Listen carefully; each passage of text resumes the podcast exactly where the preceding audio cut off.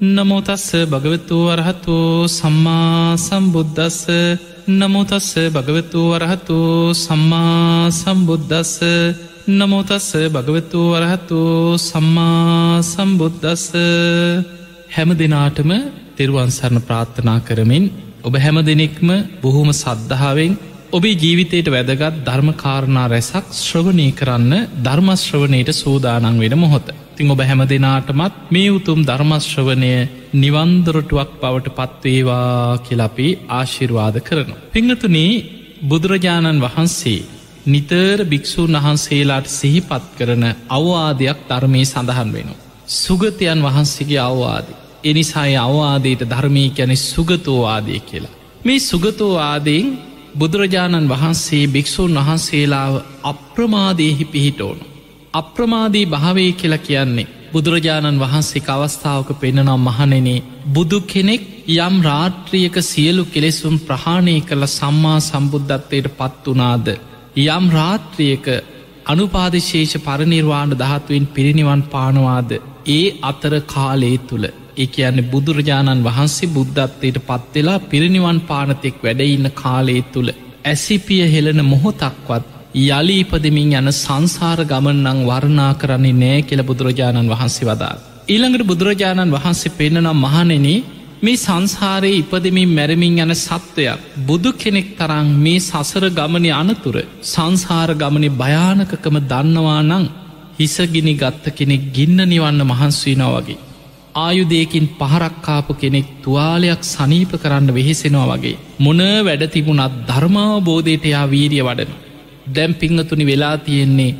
ඔබට ධර්මයට වැඩිය බාහිර වැඩ වල වටිනාක වැඩි. ඒ නිසා ප්‍රමාදයි අප්‍රමාදී භාවයක් නෙමේ තියෙන් පස්සෙ බැරිය කියල හිතෙන.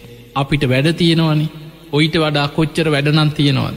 මේ ප්‍රශ්න ටික විසඳගෙන ඉන්න පෑ බණහන් එතකොට ඔය වගේ බොහෝ වෙලාවට අපි මුල් තැන දීලා තියෙන පංචකාමයන්ට එදිනිදා තියෙන ප්‍රශ්න ටික විසඳගන්න.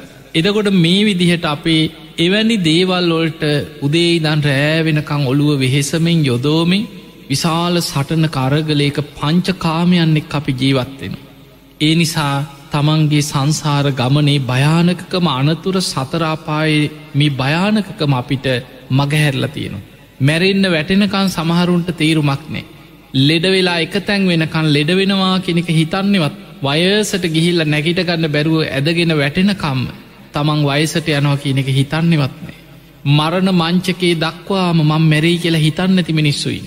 ඒ නිසා කෙලෙස්වල එක්කො නඩුහබ අනුන්ගේ ඉඩ කඩංගොල ප්‍රශ්න වැටයිනිවලට මරාගන්න යනවා.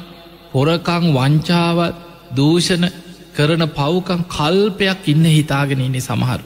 සමහරු මැරින් නෑ කියලා හිතාගෙන. සමහරුන්ගේ ජීවිතවල හොරකං වංචාවල් දිහා ගත්තාහම පරම්පරා ගානකට මැරෙනකං කාලබීල ඉන්න ඇති තරන් දේපලතිය ඒත් හොරකං කරන. කල්පයක් ඉන්න හිතාගෙන. ඒ නිසා මෙවැනි සංසාරික සත්‍යයන්ට බුදුරජාණන් වහන්සේ අප්‍රමාදී භාවය පිණිස නිතර වීරිය ගන්වනු. සසර බය පෙන්නල දෙනවා. කෙලෙස්වල ඉන්න පංචකාමයන්වල ඉන්න සත්‍යයක්. පිංහතුනී පැවිදි වෙච්ච සාමීන් වහන්සේලා අතර වනත් උන්වහන්සේලාටත් කාලෙන් කාලෙට අරතිය ඇතිවෙච්ච අවස්ථාතියෙන්. අරතිය ගැන කුසල් වඩන්න තියෙන අකමැත්ත. කාලයක් හොඳට බණ භාවනා කරගෙන ඉන්නවා කාලෙකට භාවනාවක් කරන්න හිත නැමෙන්නේ. බණක් අහන්න හිතෙන්නේ. ගුණ ධර්මපුරන්න අප්‍රමාදිය වීරිය වඩන් කම්මැලි. බණපොතක් කියව ගන්න කම්මැලි. එතකොට මේ වගේ හිතට ඇතිවෙන ස්භාවයක් තිනවා දැන් ඔබ ඔබ ගැන හිතන් මේ හිතේ ස්භාවේ සමහර කාලෙකට ඔබ හොඳට බණහනෝ. ආසාාවෙන් බණහනු. හැබැයි සමහර කාල ඇති ඔබටම බණක් අහන්න හිතෙන්නේ බණ පොතක් අතිං අල්ලන්න හිතෙන්නේ. සමහරු කියන අපිට බුදු පහනුවත් පත්තු කරන්න හිතෙන්නේ කියන ඉපා වෙලා තියෙන කිය. වෙනද හොඳට පින්කං කරපු කෙනා දැම් පින්කමක් කරන්න හිතෙන්නේ බණක් අහන්න හිතෙන්නේ. කෙනෙක් පින්කං කරනවා දකින කොටත් කේන් තියන. අපිත් පින්කං කරන්නෙකෝ අපිට හරි ගියා කියලා හිතෙනවා. එතකොට අපිට පේනවා මේ වගේ කාලයක් කුසල් වඩපු සමහරු කාලෙකදි කුසලින් පිරිහෙනවා. කාලයක් අප්‍රමාදීව සද්ධහදී ගුණධර්ම වඩපු සමහරයි කාලෙකදි ප්‍රමාදය නිසා කඩාගෙන වැටෙන. ඒ නිසා බුදුරජාණන් වහන්සේ පැවිදිවෙච්ච සාමීන් වහන්සේලාට. මොකද කෙනෙක් පැවිදි වෙන්නේ අර කාමබෝගී ජීවිත අතහැරලා. තමන්ගේ ඥාතීන් කුඩාවූද මහත්වූද ඥාති ඒ පිරිස් අතහැරලා. පංච කාමයන්ගේ සැප සම්පත් අතහැරලා. නිවන් අවබෝධය අරමුණු කරගෙන වෙන කිසිම දෙයක් නෙමේ. සබ්බදුක්ක නිස්සරණ නිබ්භාන සච්චි කරනත්තායි. මේ සියලු දුකින් නිදහස් වෙලා නිවන් අවබෝධ කරගන්නවා කෙන චේතනාවෙන් පැවිදිවෙන්. ඒ පැවිදි වෙච්චායට බුදුරජාණන් වහන්සේ දවස ගානෙ සුගතෝවාදෙන් සුගතයන් වහන්සේ වීරි ඇතිකරෝනු අප්‍රමාදී භාව ඇතිකරෝනු. බුදුරජාණන් වහන්සේ භික්‍ෂූන් වහන්සේලට නිතර දේශනා කරනවා මහනෙන දුල්ලබෝ බුද්ධෝත්පාදු. බුදු කෙනෙක් ලෝකෙ පහළ වෙනවා කියන අතිශ්‍යයින්ම දුර්ලබයි. දුල්ලබෝ මනුස්ස පටිලාබෝ. මනුස්ස ජීවිතයක් ලබනවා කියන කාරණයක් ලෝකෙ අතිශ්‍යයින්ම දුර්ලබයි. දුල්ලභාෂණ සම්පත්ති. ෂණ සම්පත්තිය ලෝකෙ අතිශ්‍යයින්ම දුර්ලබයි. දුල්ලබා පප්බජ්ජා කෙනෙකුට පැවිදි භාවය කියන්නේ ජීවිතය අතිශයෙන්ම සංසාරය අතිශයෙන්ම දුර්ලබදය. මහනෙන නුබලාට මේ දුර්ලභ කරුණු සියල්ලම දැන් ලැබිලතියෙන්. ඒ නිසා අප්‍රමාදේන සම්පාදේත අප්‍රමාදීව කුසල් වඩන්. අප්‍රමාදිය වීරිය වඩන්න කියල බුදුරජාණන් වහන්සේ අප්‍රමාදී භාවේ පිහිට ඕනු. මෙන්න මේ සුගතෝ ආද අපි විස්තර ඇතුව තේරුම් ගන්න උත්සාහයක් ගම්. දැන් ඔබට බුදු කෙනෙක් පහළවීම දුර්ලබයි දුර්ලබයි කියන ඔය වචනය ඕඩ තරං ඇහිල ඒ ඇහිල නිසාම දියෝක අපි දන්නවන කියලා හිතෙන්ට පුළුව ආ බුදු හාමුතුර පහලවෙනවා කෙනෙ දුර්ලබයි තමා කියලා හිතෙනවා හැබැයි පිංහතුන මේක මේ විදිහයට ඔබ හිතන් එතකොටයි ඔබට අප්‍රමාදී භාවය උපදී. බුදුරජාණන් වහන්සේ නමක් ලෝකෙ පහළ වෙන එක කොච්චර දුර්ලබයිද කියලා ටිකක් හරි තේරෙන්න්න නම්. මේ කල්පය කියන කොච්චරද්ද කියලා තේරුම් ගන්න. පිංගතුනේ කල්පය කියන අපිට ඉලක්කමකින්වත් කියාගන්න බැරු කොහොමදී තේරුම් ගන්නේ. දවසක් බුදුරජාණන් වහන්සේගෙන් බමුණෙක් ඇවිල්ලහනො සාමීනී කල්පය කල්පය කල්පය කියනවා. කල්පය කියන කොච්චරද්ද කියලෙහු. බුදුරජාණන් වහන්සේ වදල බමුණ කල්පය කියන්නේ අවුරුදුවලින් සීයයි දාහයි ලක්ෂයයි කියලා බින්දුගානකින් කියන්න බෑකිය. දැන් ඔබ අපි පුරුදු වෙලා ඉන්න යම් කිසි දේවල් ඉලක්කංවලින් අපි මිනුම් දඩු හැටියට අපි මනසේ මවාගන්න යම් කිසි ඉලක්කං ඔස්සේ. අවුරුදුවලින් අපි හිතන අවුරුදු සීයයිකව තන්න අපි දන්නවා දවස් සිස්තිහයි මාසෙකට අපි සාමාන්‍ය ගන හදන්න එහෙමන ඊළඟට මාස දොළහයි අවුරුද්ධකට එතකොට මේ වගේ අවුරුදු සීයක් ආ මෙහෙමයි. ඊළඟට අවුරුදු දාහක් කියන්න මෙහෙමයි. අවුරුදු දස දහසක් කියන්න මෙන්න මේ වගේ ලක්ෂයක් අම්මෝ කොච්චර දිතොට අපි මේ විදියට අපි ගණන් හදන ක්‍රමතිය. බුදුරජාණන් වහන්සේ වදාළ බමුණ ඔය විදිහට මේ දින සති මාසවලින් අවුරුදුවලින් කල්පයට මෙච්චරයි කියලා බින්දුගානකින් කියාගන්න බෑකිය. තේරුම් ගණ්ඩ බෑ. එතකොට ඔබට හිතේ මේ බින්දුගානක් කියන්න බැයින මොකක්ද මේ කියලා.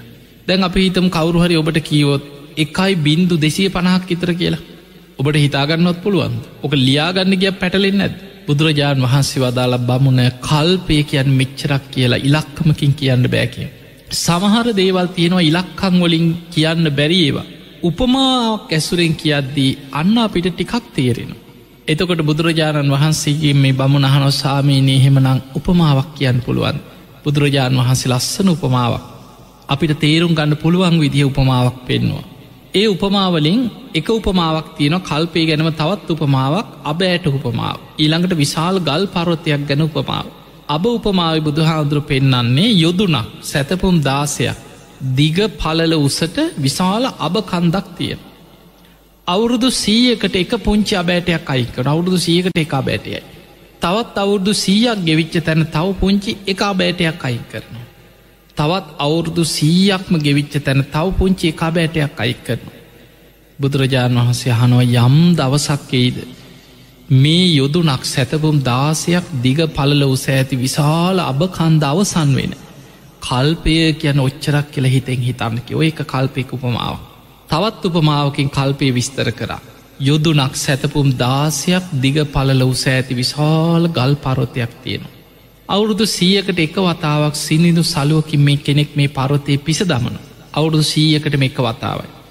ඒ පිස දැමීම නිසා වෙන දෙයක් නිසානෙම කුහර නැති සිදුරු නැති බොල්වෙච්ච නැති තනි ගල් පරතය.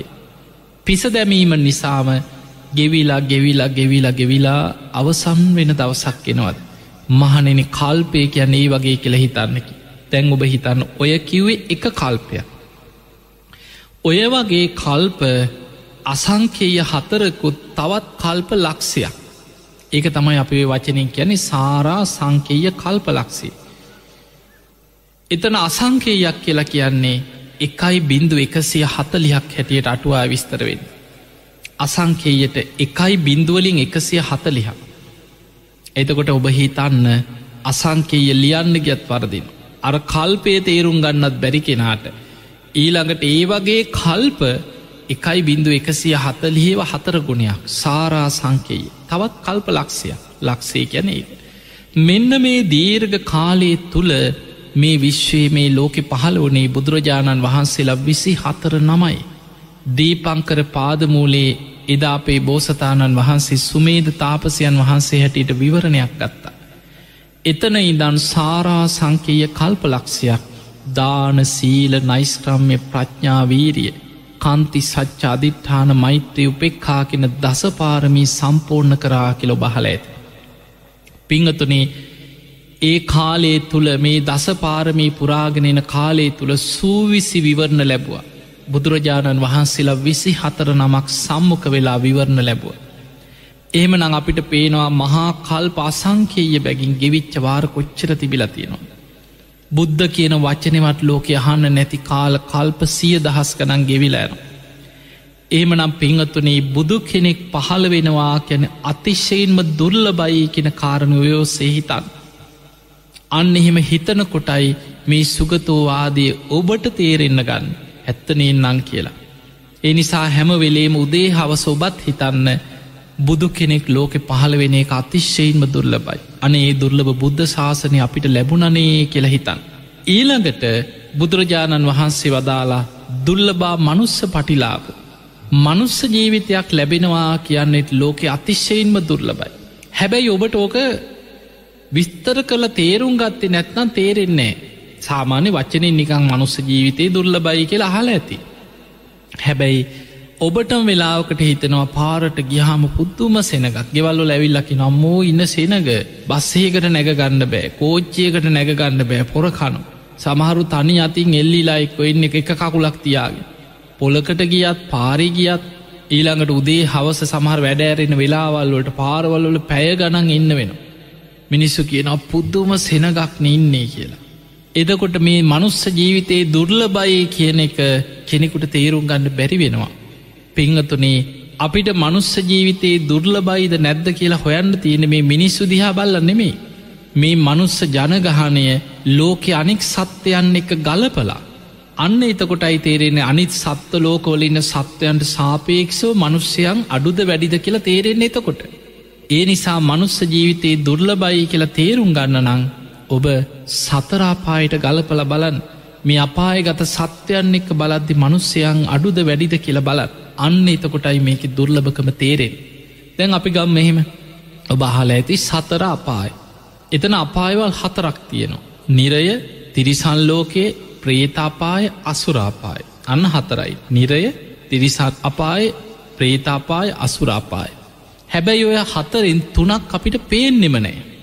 නිරේ නිරිසත්තු කොච්චර ඉන්නවාද කියලා නිරේ ගැන අපිට පේන්නේ කවුරුත් ලෝකෙ සංගණනයක් කරපු කෙනෙක් අහන්නවත් නෑ. ඇයි අපේ පියවි ඇසින් දකින සීමාව ඉක්මෝ ලකිහිල්ල. ඒවා විද්‍යාවෙන්වත් පරීක්ෂ නලයකින්වත් දුරේක්ෂකින්වත් හොයන්න පුළුවන් දෙයක් නෙමේ දිවසි. නුවන වඩලා දිවැස් උපදවාගත්ත කෙනෙක් ඉරදියෙන් එක දකින දෙයක්. ඒ නිසා අපිට විශෂය වෙන්නේ නෑ. එනිසා අපි නිරේ පැත්තකදීම පේෙන් ඇති නිසා. ඉළඟට ප්‍රේතාපායි මේ මනුස්සලෝගේ මිනිස්සු ඇසුරේ හිටියත් පියවි ඇහෙන් දකින්න බෑ ප්‍රේතයන්. ඒකත් දිවැස් නුවනක් හිත දියුණු කරපු කෙනෙක් දකි. ඒ නිසා ප්‍රේතලෝක ගැනත් අපි පැත්තකින්දිම අනි අපිට පේනෑන කියලා. අසුරාපායි තවත් සතරාපායෙන් එකපායක්තම අසුර කියන අපාය කොටස. සමහරු කොහෙද ඉන්න කියලවත් දන්න මේ අසුරය. අසුර කියලා කොටස් දෙකක් පෙන්න්නනවා ධර්මය. එක කොට සත්තමයි දිවි අසුර. ඒ අය ගැන තමයි දජග්ග සූට්‍ර තියෙන සුරාසුර යුද්ධ ගැන. දිවිය ලෝකයේ සුර කියන්නේ සැපයෙන් වැඩි දේවතාවරු. ඒ අයගේ නායක තමයි සක්‍රදේවී. අසුර කියන්නේ දිවලෝයම ඉන්නවා ගැටුමට බර දේවතාවරු පිරිසා. වේප චිත්ති පහරාද වගේ අසුර නායකයෝ ගැන ධර්මය සඳහන් වෙන. එතකොට ඒ දිවිය පිරිස. ඊළඟට මහා මුහුද ඇසුරු කරගෙන ඉන්නවා යොදුන් සීය දෙසීය විශාල අමනුස්යෝ. අපිට හිතාගන්නවත් බෑ අපි දකින්න මුහෝද නොයි පීනගෙන යන මාලු ටිකක් විතරයි. ඒ ඒ ගොරෝසු ශරීර ඇති සත්තු ගැන ඔබ දැකළ ඇති මුහුදේ. හැබැයි මේ මහා සාගරයේ තුළ විශාල ශරීර ඇති යොදුනක් යන සැතපුම් දාසයක් මික තියෙන පහරාද සූට්‍ය බුදුහාන්දුරු පෙන්න්නනවා යොදුන් සීය දෙසීය විශාල ශරීර ඇති අමනුස්යෝ මහමුහෝද ඉන්නවා කිය. ඒ අය අත්තට තිමි තිමංගල තිමිරපින්ඩල නාග අසුර ගහන්දර් අන්න එතන අසුර කියන්න අර අපායගාමි අමනුස්ස කොටස. මුහොද ඉන්නවත් දුක්විඳින බොහෝ දුකක් විඳින අමනුස්්‍යය යොදුන් සිය ගනම් විශාල ශරීරයට අන්නේ අය අපායකතය. එතකොට බලන්න දැන් සතරාපායෙන් හතරෙන් තුනක් පේන්නේ. නිරේ පේනෙත් නෑ ප්‍රේතාපාය පේනෙත් නෑ අසුරාපාය පේනෙත් නැ පේන්නේ හතරෙන් එකයි. තිරිසන් ලෝක විතරමයි. අපිට පේන තිරිසන් ලෝක ගැන මෙහෙම හිතන් පිංහතුනේ තිරිසං අපාය ගත්තත් තිරිසන් ලෝකෙ සත්‍යයන් කරණීමිත සූට්‍ය බුදුහාන්දුර විස්තර කරන්න මෙහෙම. දීගාව ඔබ දැකල ඇති දිග සරීර ඇති සත්තුඉන්න. මහන්තාවා මහත සරීර ඇති සත්තුඉන්න. මජ්ජිමාව ප්‍රමාණින් ගත්තු මධ්‍යම සාමාන්‍ය ප්‍රමාණ සරීර ඇති සත්වඉන්න. රස්ස කුඩා සත්තු පුංචි පුංචි සත්ව වර්ගඉන්න. ඒ අටිකන රස්ස. ඊළඟට අනුක තූලාව අනුක කියන්නේ ඇහැට නම් පේන්න පියවි ඇහෙන් දකින්න බෑ. පියවි ඇහෙන් දකින්න බැරි සියුම් සත්තු ඉන්න එකෙන අමනුස්යෝ නෙමේ තිරිසන් සත්තු ගැනමේ කියන්න. එදකොට හිතන්න මේ සත්ව විෂය ඔබ දන්නවා දිවැස් ලාබීන් අතර අග තැන්පත් අනුරුද්ධ මහරහත්තන් වහන්සේ. උන්වහන්සේ දවසක් පැම් එකක් අරගෙන පාත්තරයට වලදන්න බලනකොට මේක ජීවින් ඉන්න. බුදුරජාණන් වහන්සේට කෙන සාමිනි භාකතුන් වහස් මේ වතුරේ ජීවින් ඉන්නවා. බුදුරජාණන් වහන්සේ වදාලා අනුරුද්ධ ඔය පැන් එක පෙරහංකඩෙන් පෙරල වලනන්නේ ඔබ දන්න අට පිරිකරේ තියෙන පෙරහංකඩේ තියෙන පැන් එකක් පෙරලගන්න පෙරහංකඩෙන් පෙරල වලදන්නකි උන්වහන්සේ පැන් එක පෙරහංකඩින් පෙරලගත් අතට බැලින්නම් ඒත් ජීවින් පේනවනි. බුදුරජාණන් වහසිටිගෙන සාමීනි මේ සත්තු ඉන්නවන මේක. පෙරහංකඩින් පෙරල ගත්තත් ජීවින් ඉන්නවා කියව බුදුරජාණන් වහන්සේ වදාලා අනුරුද්ධ ඔබ දිවසිම් බලන් එපා කිව පියවි ඇහෙන් විතරක් බල්ල වලදත් ඇයි දිවසිම් බැලුවොත් වතුර ටිකක් බේගන්න බෑ? අපේ හැට නොපෙනෙන සත්තු ඕන තරම් මේ වතුර ඉන්නවා. පියවිය හැට දකින්න බෑ. අදාපියේ සත්තුන්ව අන්වීක්ෂයෙන් හරි එවැනි සියුම් උපකරනවලින් බලල කියන ඇත්තනේන්නම්. අපේ පියවියහෙහි සීමාව ඉක්මවාගේ පුංචි සත්තු ඉන්නවනේ කියලා. පිංහතුන ඒ වගේ අය බුදුරජාණන් වහන්සේ දිවසින් දැකළ පෙන්නුවේ ඒත් තිරිසම්ම සත්ව කොටසක්. තූලාවා යැන වටකුරු හැඩෙන් යුක්ත සත්තු. දිට්ඨාවායේ වද්දිට්ටා දැකල තියෙන සත්තු වගේම ජීවිතයට නොදැකපු සත්තුවන්න. එතකොට මේ සත්ව විග්‍රහයි තුළම ඔබ හිතන්න තිරිසල් ලෝක ගැන විතර. අඩුගානය ඔබට ඔබේ ඉඩම ඉන්න සත්තුටික් ගණන් කරගන්න පුළුවන්ද. එක අඹගෙඩියක් කුණුවෙන්න පල්වෙන්න තියල බලන් ඔය අඹගෙඩිය ඇතුළේ ඉන්න පනුවටික ඔබට ගණන් කරගන්න පුළුවන්ද කියල් මාළු කෑල්ලක් කුණු වෙලා යනකොට ඉන්න පනුවටික අසූචි ගොඩක ඉන්න පනුවටිකයි මැස්සු ටිකයි වයෝගුලක් ගත්තත් කෝමි ගොලක් ගත්තත් කෝටි ප්‍රකෝටි ගණන. මේ මහපොළොවේ අඩියක් අඟලක් හැරුවත් හාරන්න හාරන්න සත්තු ඉන්නේ. එහෙමනං ඔය ඔබ දකින්නේ ලෝකේ නෙමෙයි මේ පොළොවේ ඉන්න ඔබේ පුංචි වර්ග අඩියක දෙහෙ අඩුගානක පර්ජස්සේක ඉන්න සත්තු ටිකවත් අපිට ගණන් කරගන්න බැරිනම්. අපිට පේන්නේ සතරාපායෙන් එකයි තිරිසං අපාය විතරයි ඒ පේන තිරිසං අපායිත් පේන සත්තුවත් ගණන් කරගන්න බැරිනං මේ සත්ව විෂය අචින්තයයි කැන අන්නේ නිසයි. අපිට හිතන්නවත් බෑ. ඒ වගේ සතරාපායම ගත්තොත් නිරේ කොච්චර ඇත්ද. ප්‍රේත අපායවල්වල මොකද මේ මනුස්ස ලෝක වගේ මේ අවුරුදු හැට හැත්තෑවක් සීයක් නෙමෙයි. අවුරුදුවලින් කෝටි ප්‍රකෝටි ගණන් සමහර නිරේ නිරි සත්‍යයන්ගේ ආවිස කල්ප ගණන් අපායි. සමහල ප්‍රේති අවුරුදු දස දහස විසි දහස. අපේ බුදුරජාණන් වහන්සේ දැකපු ප්‍රේතයෝ ගැන තියෙනවා බුදුහාන්දුර විස්තර කරනවා. මහනෙනි ඔය වෙන කවුරුත්න මේ කාශ්‍යප බුද්ධ ශාසනය අකුසල් කරපු කෙනෙ ඔය ඒ අකුසලේ ගෙවන්නේ තාම ප්‍රේත අපාය කියන. ලක්කන සංයුක්තේ වැනි ප්‍රේතිය ගොඩාක් ගැන පෙන්න්නන තැන්වල බුදුරජාණන් වහන්සේ විස්තර කරන මහනිනොයි වෙන කවුරුත්න මේ කාශ්‍යප බුද්ධ ශාසනය අකුසල් කරපු කෙනෙක් කිය. ඒනම් අපිට පේනවා සමහරු ප්‍රේත ලෝකොල් අවුරුදු දස දහස් කනං ලක්ස ගණනින් දුක්විඳ විඳ ප්‍රේත අපායවල්වල් ගෙවෙනවා. මේ සතර අපාය ගැන බුදුහාමුදුරු පෙන්න්නන එක තැනක මහනෙන මුළු සතර අපායම ඉන්න සත්වයන් ගත්තොත් මහපොළොේ පස් තරන් කියල හිතෙන් හිතන්නකි ඒ තරං විශාලයි. හැබැයි මනුස්ස ජීවිතයක් ලබන්නේ මෙන්න මේ වගේ ටික දෙනයි කියලා නකසිකා සූත්‍රය බුදුරජාණන් වහන්සේ නිය සිලට පස්්ටිකක් අරගෙන භික්‍ෂූන් වහන්සේලට පෙන්නවා. අන්න එතකොටයි දැන් ඔබට තීරෙන ඇත්ත නේ නම් මෙහෙම ගත්ත හම කියල. පෙංගතුනේ මනුස්ස ජීවිතයේ තරන් දුර්ලබයි. මනුස්ස ලෝක ඉන්න ටික අපිට ඉලක්කමෙන් කියන්න පුළුවන්. අදාපි කියනවා කෝටි හත්සීයක් කියෙන්. අපිට කෝටි ගානෙන් හරි බින්දු ගානකින් කියන්න පුළුවන් මනුස්සලෝක ඉන්න ටික. මැරෙන ප්‍රමාණය මරණ අනුපාති අලුතෙන් මේ අවුරුද්ධ මෙච්චරක් දරුවෝ ඉපදුනා කියල උපත් අනුපාත එතකොට ඕයන් අපි ගණනය කරලා කොහොම හරි හරියටම ඉලක්කෙට බැරිවුනත් අපි ඉලක්කමකින් බින්දු ගානකින් මේ ලෝක ජනගහනය අපි කියනවා. ලංකාව කෝටි දෙකට වඩා ටිකක් වැඩි කෙල් හැබැයි අපිට එක වර්ග අඩියක ඉන සත්තු ටික ගඩන් කරගන්න බෑ.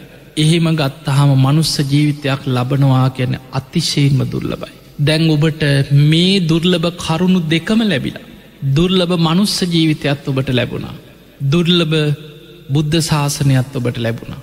අන්න බුදුරජාණන් වහන්සේ දහවල් භික්‍ෂූන් වහන්සේලාට අනුශාසනාය පෙන්න්නනවා. මහන්නෙනේ දුර්ලබෝ මනුස්ස පටිලාබ.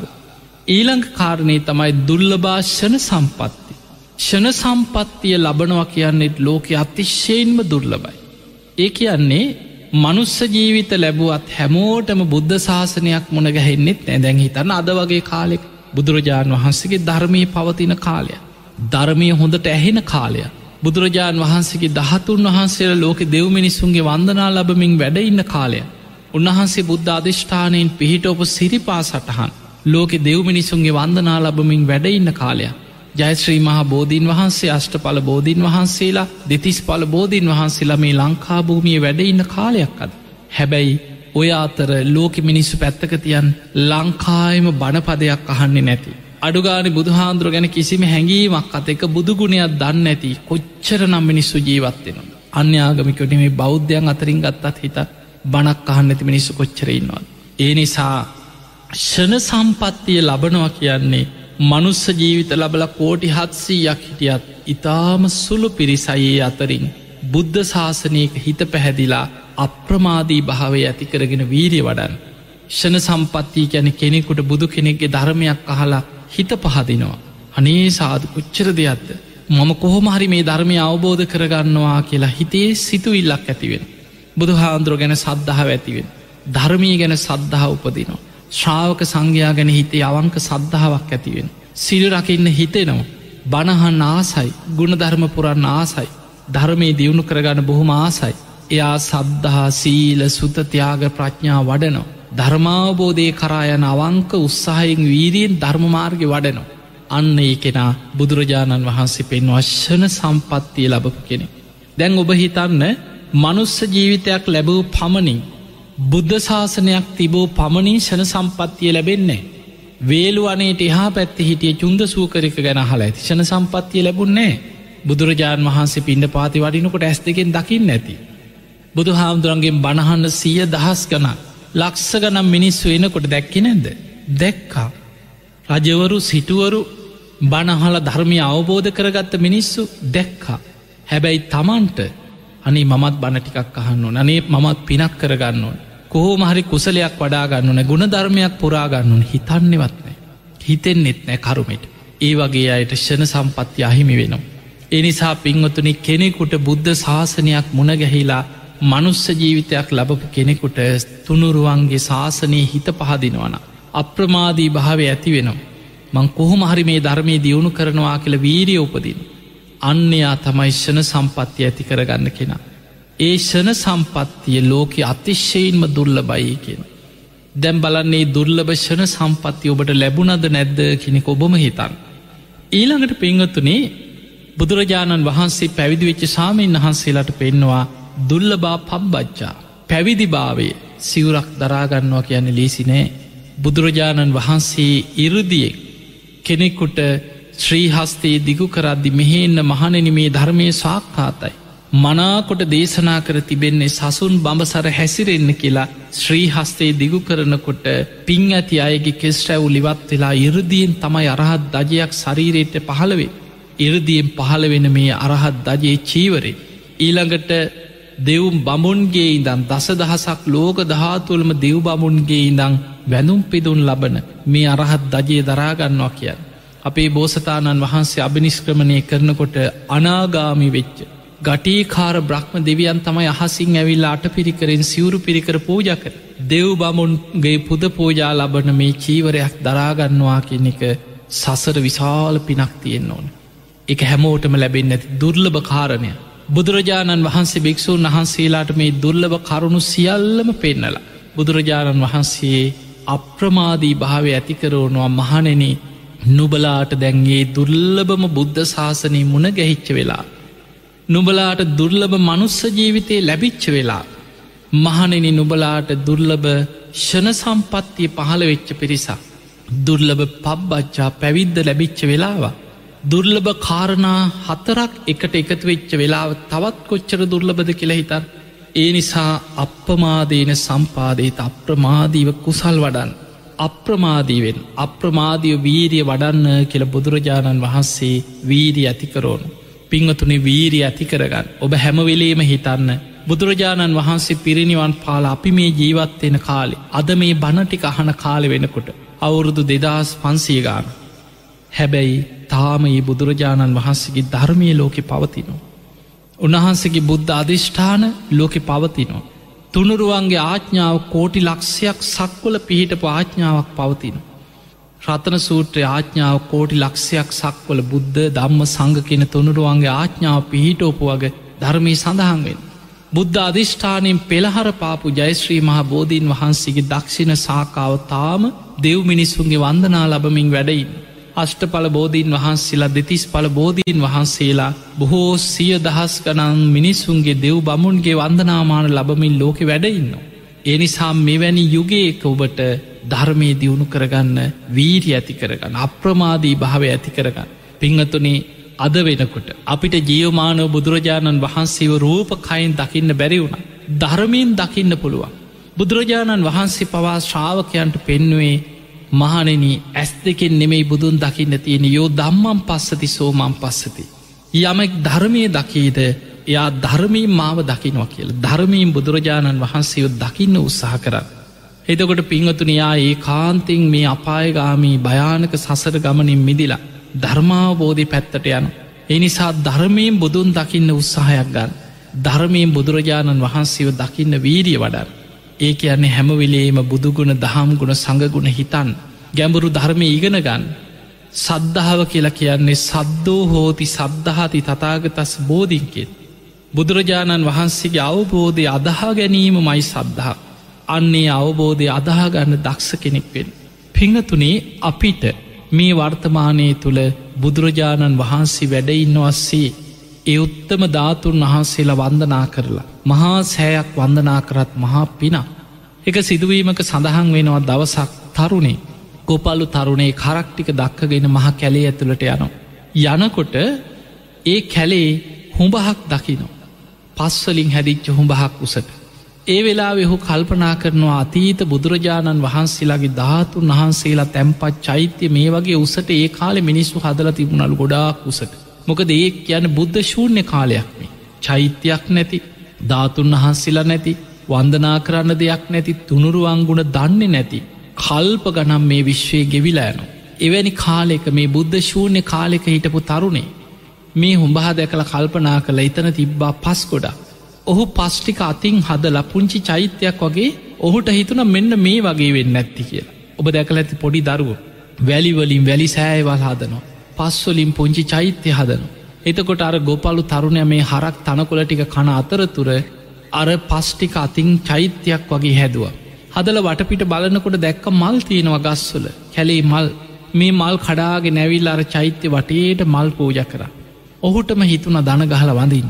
ඔහු අන්දනා කරනකොට හිතනවා අතීති බුදුරජාණන් වහන්සේලාගේ දහතු තැම්පත් චෛත්‍යය මේ සුරූපයෙන් පැවතුනේද?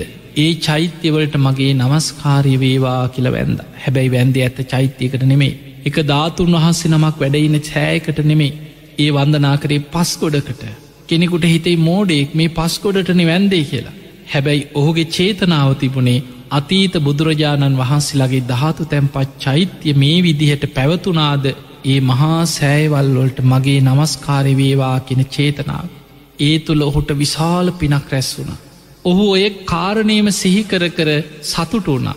ඔහු මරණ මංචකේ මේ පින මැවිල පෙවුණ කියනවා ඒ පිනෙන් දිවිය ලෝකෙ පහළ වුණ. ඒ නිසා පිංහතුනේ පින කියන්නේ මහා පුදුම දෙයක්. සෑයක් වැදලා පින්කමක් කරල එක චෛත්‍යයකට එක මලක් පූජ කළ දිවිය ලෝකෙගේ දෙවිවරු ගැන් දවසක් සක්‍ර දෙවියෝ මාතලී රතාචාරවර එක්ක නන්දන වනයට යනු. යනකොට දිවියලෝකෙ පහළ වෙච්ච දිව්‍යාංගනාවකට ලස්සන විමානයක් දිවී ලෝකෙ පහළ වෙලා. සක්‍ර දෙවියන් එතනින් යන ගමන් කෙන බලන්න මාතලීමේ විමානය ලස්සන ඕසදී තාරකාවක් වගේ විමානෙත් බැබලෙන. සත්රුවනෙන් මැවිච්ච ලස්සන දිවිය විමානයක් මනුස්ස ලෝකෙ බොහෝ පින්කරගත්ත තැනැත්තියක් වෙන්න ඇති. අපි පින ගැන අහගෙනම යන් කියෝ. ඒ වෙලාවෙ සක්‍ර දෙවියෝ කියන ඔය රතේ නවත්තන්න කියෝ. විමානෙ ළඟි. ඒ විමානෙ ළඟින් සක්‍ර දෙවියන්ගේ රතේ නවත්තපු වෙලාවෙ දිව්‍යාංගනාව පිරිවරාගත්ත ලස්සන දෙව්දුවක් ඕසදී තහාරකාවක් වගේ ඇවිල්ල වන්දනා කර. දෙදෙව්ලෝට අධිපති සක් දෙවිඳුන්ට මගේ නමස්කාරයම වේවා කිය. එදකොට සක්‍ර දෙවි අහනවා දිව්‍යාංගනාව. ඔබ මේ තරන් ලස්සන විමානයක් මේ තරන් දිවියවංගනා පිරිසක් මෙච්චර වයන් මේ තරන් සැප සම්පත් ඔබ වෙනුවෙන් තවතිසා දෙව්ලෝ පහළ වෙලා. ඔබ මේ තරන් සැප සම්පත් ලබන්න මොනවගේ පින්ද කරේ ඔබ ගොඩාක් පින්කරපු කෙනෙක් වෙන්න ඇතිකේ. එදකොට මේ දිව්‍යාංගනාවකි අනේ ස්වාමිනි මන් ලොකෝ පින්කරපු කෙනෙක් නෙමේ මං මනුස්සලෝක හිටියේ රජගහනුවර කියන නගරේ. මං හරී දුප්පත් පවුලක ඉපදිලා හිටිය. ඒ වෙනකොට මං බොහොම වයසයි. අජාසත්ත රජ්ජුරුවන්ට ලැබිච්ච ධාතුන් වහන්සේලා ද්‍රෝණයක් ඒ නගරයට වඩම්මගේ නැවිල්ල ධාතු තැන්පස් හැයක් ඉදිකර එකෙන අපේ බුදුරජාණන් වහන්සේ පිරිණුවන් පැවට පස්සේ. ධාතු තැන්පස් සෑයක් ඉදි කර. ඔය චෛත්‍ය වඳන්න හිතාගෙන මං වැටකොළු මල්ටිකක් එහෙමයි තියෙන් වැටකොළු මල්ටිකක් කඩාගෙන යනකොට මගදී මගේම කරුමෙකට කුලප්පුයි කෙල දෙනක් මට එන්න කිය. චෛත්‍ය වඳින්නවත් ලැබු නෑතින් චෛත්‍ය පේනවා මල් අරගෙන යන්න චෛත්‍ය වඳින්. ඒ අන අතරෙදී එල දෙනක් කනිනවා. එහෙම පාරි මැරිල වැටෙනවා. හැබැයි හිත පැහැදිලා තිබ්බෙ මල් අරගෙන යන්නේ චෛත්‍යයක් වඳින්. මේ සෑයක් වඳින්න යනකොටයි මට මේ අනතුර වුණේ ඒ පිනෙන් හිත පැහැදිච්ච පිනෙන් තමයි කියනවා මං මේ නින්දෙන් පිපිදිය වගේ දිවිය විමානක පහළ වුණේ. එතකොට සක්‍ර දෙවියෝ කියන ඇහුනද මාතලී මේ දිව්‍යාංගනාවගේ කතාව. චෛත්‍ය වඳින්න යනකොට අනතුරක් වෙලා මේ දිවිය ලෝකෙ මේ තරන් දිවිය සැපසම්පත් ඇතුව පහළ වනාන්නං ඔය චෛත්‍ය වන්දනා කළ මල් පූජ කළ පින්කරගෙන එන අතරේ අනතුර වනානම් මීටත් වඩා සැප ඇති ඉහළ දිවිය තලේකයි උපදින්. ඒ නිසා බුදු කෙනෙකුට සෑයකට මලක් පූජ කරනවා කියන්න මොනතරම් පිනක්ද. මාතලී අපි නන්දන වනයට යන ගමන නවත්තලා ඔය රතේ හරවන්න කිව සිළුමිනි සෑය දෙසට. අපි අද දවස පුරාම සිළුමිනි සෑය වඳිමු කියලා සක්‍ර දෙවියන් අර දිව්‍යාංගනාවගේ පින ගැන අහලා සිළුමිනි සෑ වඳන්න ගියා කිය. එදකොට අපිට පේනවා පිංහතුන් දෙව්ලව තමයි සක්‍ර දෙවියන් තමයි සිළුමිනි සෑ මවන් එදකොට අපිට පේනවා පිනක වටිනාකම චෛත්‍යයකට මලක් පෝජ කරන එකේ වටිනාකම සෑයක් වන්දනා කරන එකේ වටිනාකම ඒ වගේම සෑවන්දනා පින්කමකට එකතු වෙන එකේ වටිනාකම එවැනි මළුවක වාඩි වෙලා බණටිකක් අහලා බුදුරජාණන් වහන්සේ ගැන දහතුන් වහන්සේලා ගැන මහා සෑයක් ගැන හිත පහදවන්න තියෙනවනම් මොන තරම් පිනක්ද. එනිසා පිංහතුනින් මේ ලැබිච්ච මනුස්ස ජීවිතය තුළ පුළුවන්තරම් පින් කරගත්. අද ලංකා භූමිය කැන බුදුරජාණන් වහන්සේගේ ධාතුන් වහන්සේලා විශාල් ප්‍රමාණයක් වැඩඉන්න පිම්බිම. උන්වහන්සේගේ බුද්ධත්වයට පත්වෙච්ච බෝධයේ දක්ෂිණ සාකාවම වැඩඉන්න මේ ලංකා භූමි. එයින් පෙළහර පාමින් පැනනැක් අෂ්ටපල බෝධීන් වහන්සේලා දෙතිස් පල බෝධීන් වහන්සේලා වැඩඉන්න මේ ලංකා භූමි. බුදුරජාණන් වහන්සේගේ ශ්‍රී මුකේ සුදු බුදුරැස් විහිදිච්ච දළදා වහන්සේලා සතර නමගේ දෙනමක් වැඩඉන්න මේ ලංකා භූමි. ඒ වගේ මයි ලලාට ධාතුන් වහන්සේ දකුණු අකුධාතුන් වහන්සේ නොබිදී නොකැඩී නොවිසිර ඉතිර වෙච්ච.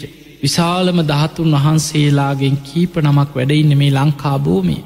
ඕර්ණ රෝම ධාතුන් වහන්සේ මිහින් තලේ සේල චෛත්‍යය තුළ අෂ්ටවංක මානික්‍යයක් තුළ තැන්පත් වෙලා වැඩඉන්න සුදු බුදු රැස් විහිදි චෝර්ණ රෝම ධාතුන් වහන්සේ. ඒවගේ බුදුරජාණන් වහන්සේගේ ශ්‍රී ශරීරයේ හිසේ වැඩහිටිය අභිනී ලක් බඹර කේෂධාතුන් වහන්සේලා බොහෝ ප්‍රමාණයක් බොහෝ සෑවල්ල බොහෝ චෛත්‍යය තුළ තැන්පත් වෙලා වැඩයින්න. සර්වඥ අස්තිධාතුන් වහන්සේලා බොහෝ ප්‍රමාණයක් වැඩයින්න. ඒවගේමයි බුදුරජාණන් වහන්සේ වැඩඉඳලා පරිහරණය කරපු. පූජනයත්තයට පත්වෙච්ච ඒ උතුම් මිනි පළඟවල් උන්වහන්සේ පරිහරණය කරපු වටිනා කියන දේවල් උන්වහන්සගේ පාට්‍රදහතුන් වහන්සේ ඉන පැළඳි පටිධාතුන් වහස මේ පූජනය දේවල් මේ ලංකා භූමිය මහා සෑවල් වල තැන්පත් වෙලා. ඒ නිසා ඔබේ ජීවිතයට අප්‍රමාණ පින්පුරාගන්න දක්ෂවෙන්. ඒවෑ වටිනාකම සිහිකරත් ඒ චෛත්‍ය වදිනකොට ඒ චෛත්‍ය වැඩඉන්න ධාතුන් වහන්සේලා ගැන සිහි කරලා හිතේ මවාගෙන වන්දනා කරත්. අන්න එතකොටයි ඔබට විශාල පින් රැස් කරගන්න පුළුව. තියේ පිණිස ඔබ හැම දෙනාටම මේ ලැබිච්ච මනුස්ස ජීවිතය අවසන් වෙන්න පෙර සද්ධහදී ගුණ ධර්ම දියුණු කරගෙන තුම් ධර්මීම අවබෝධ කරගන්න ලැබේවා ලැබේවා කියලපි ඔබට ආශිර්වාද කරනවා.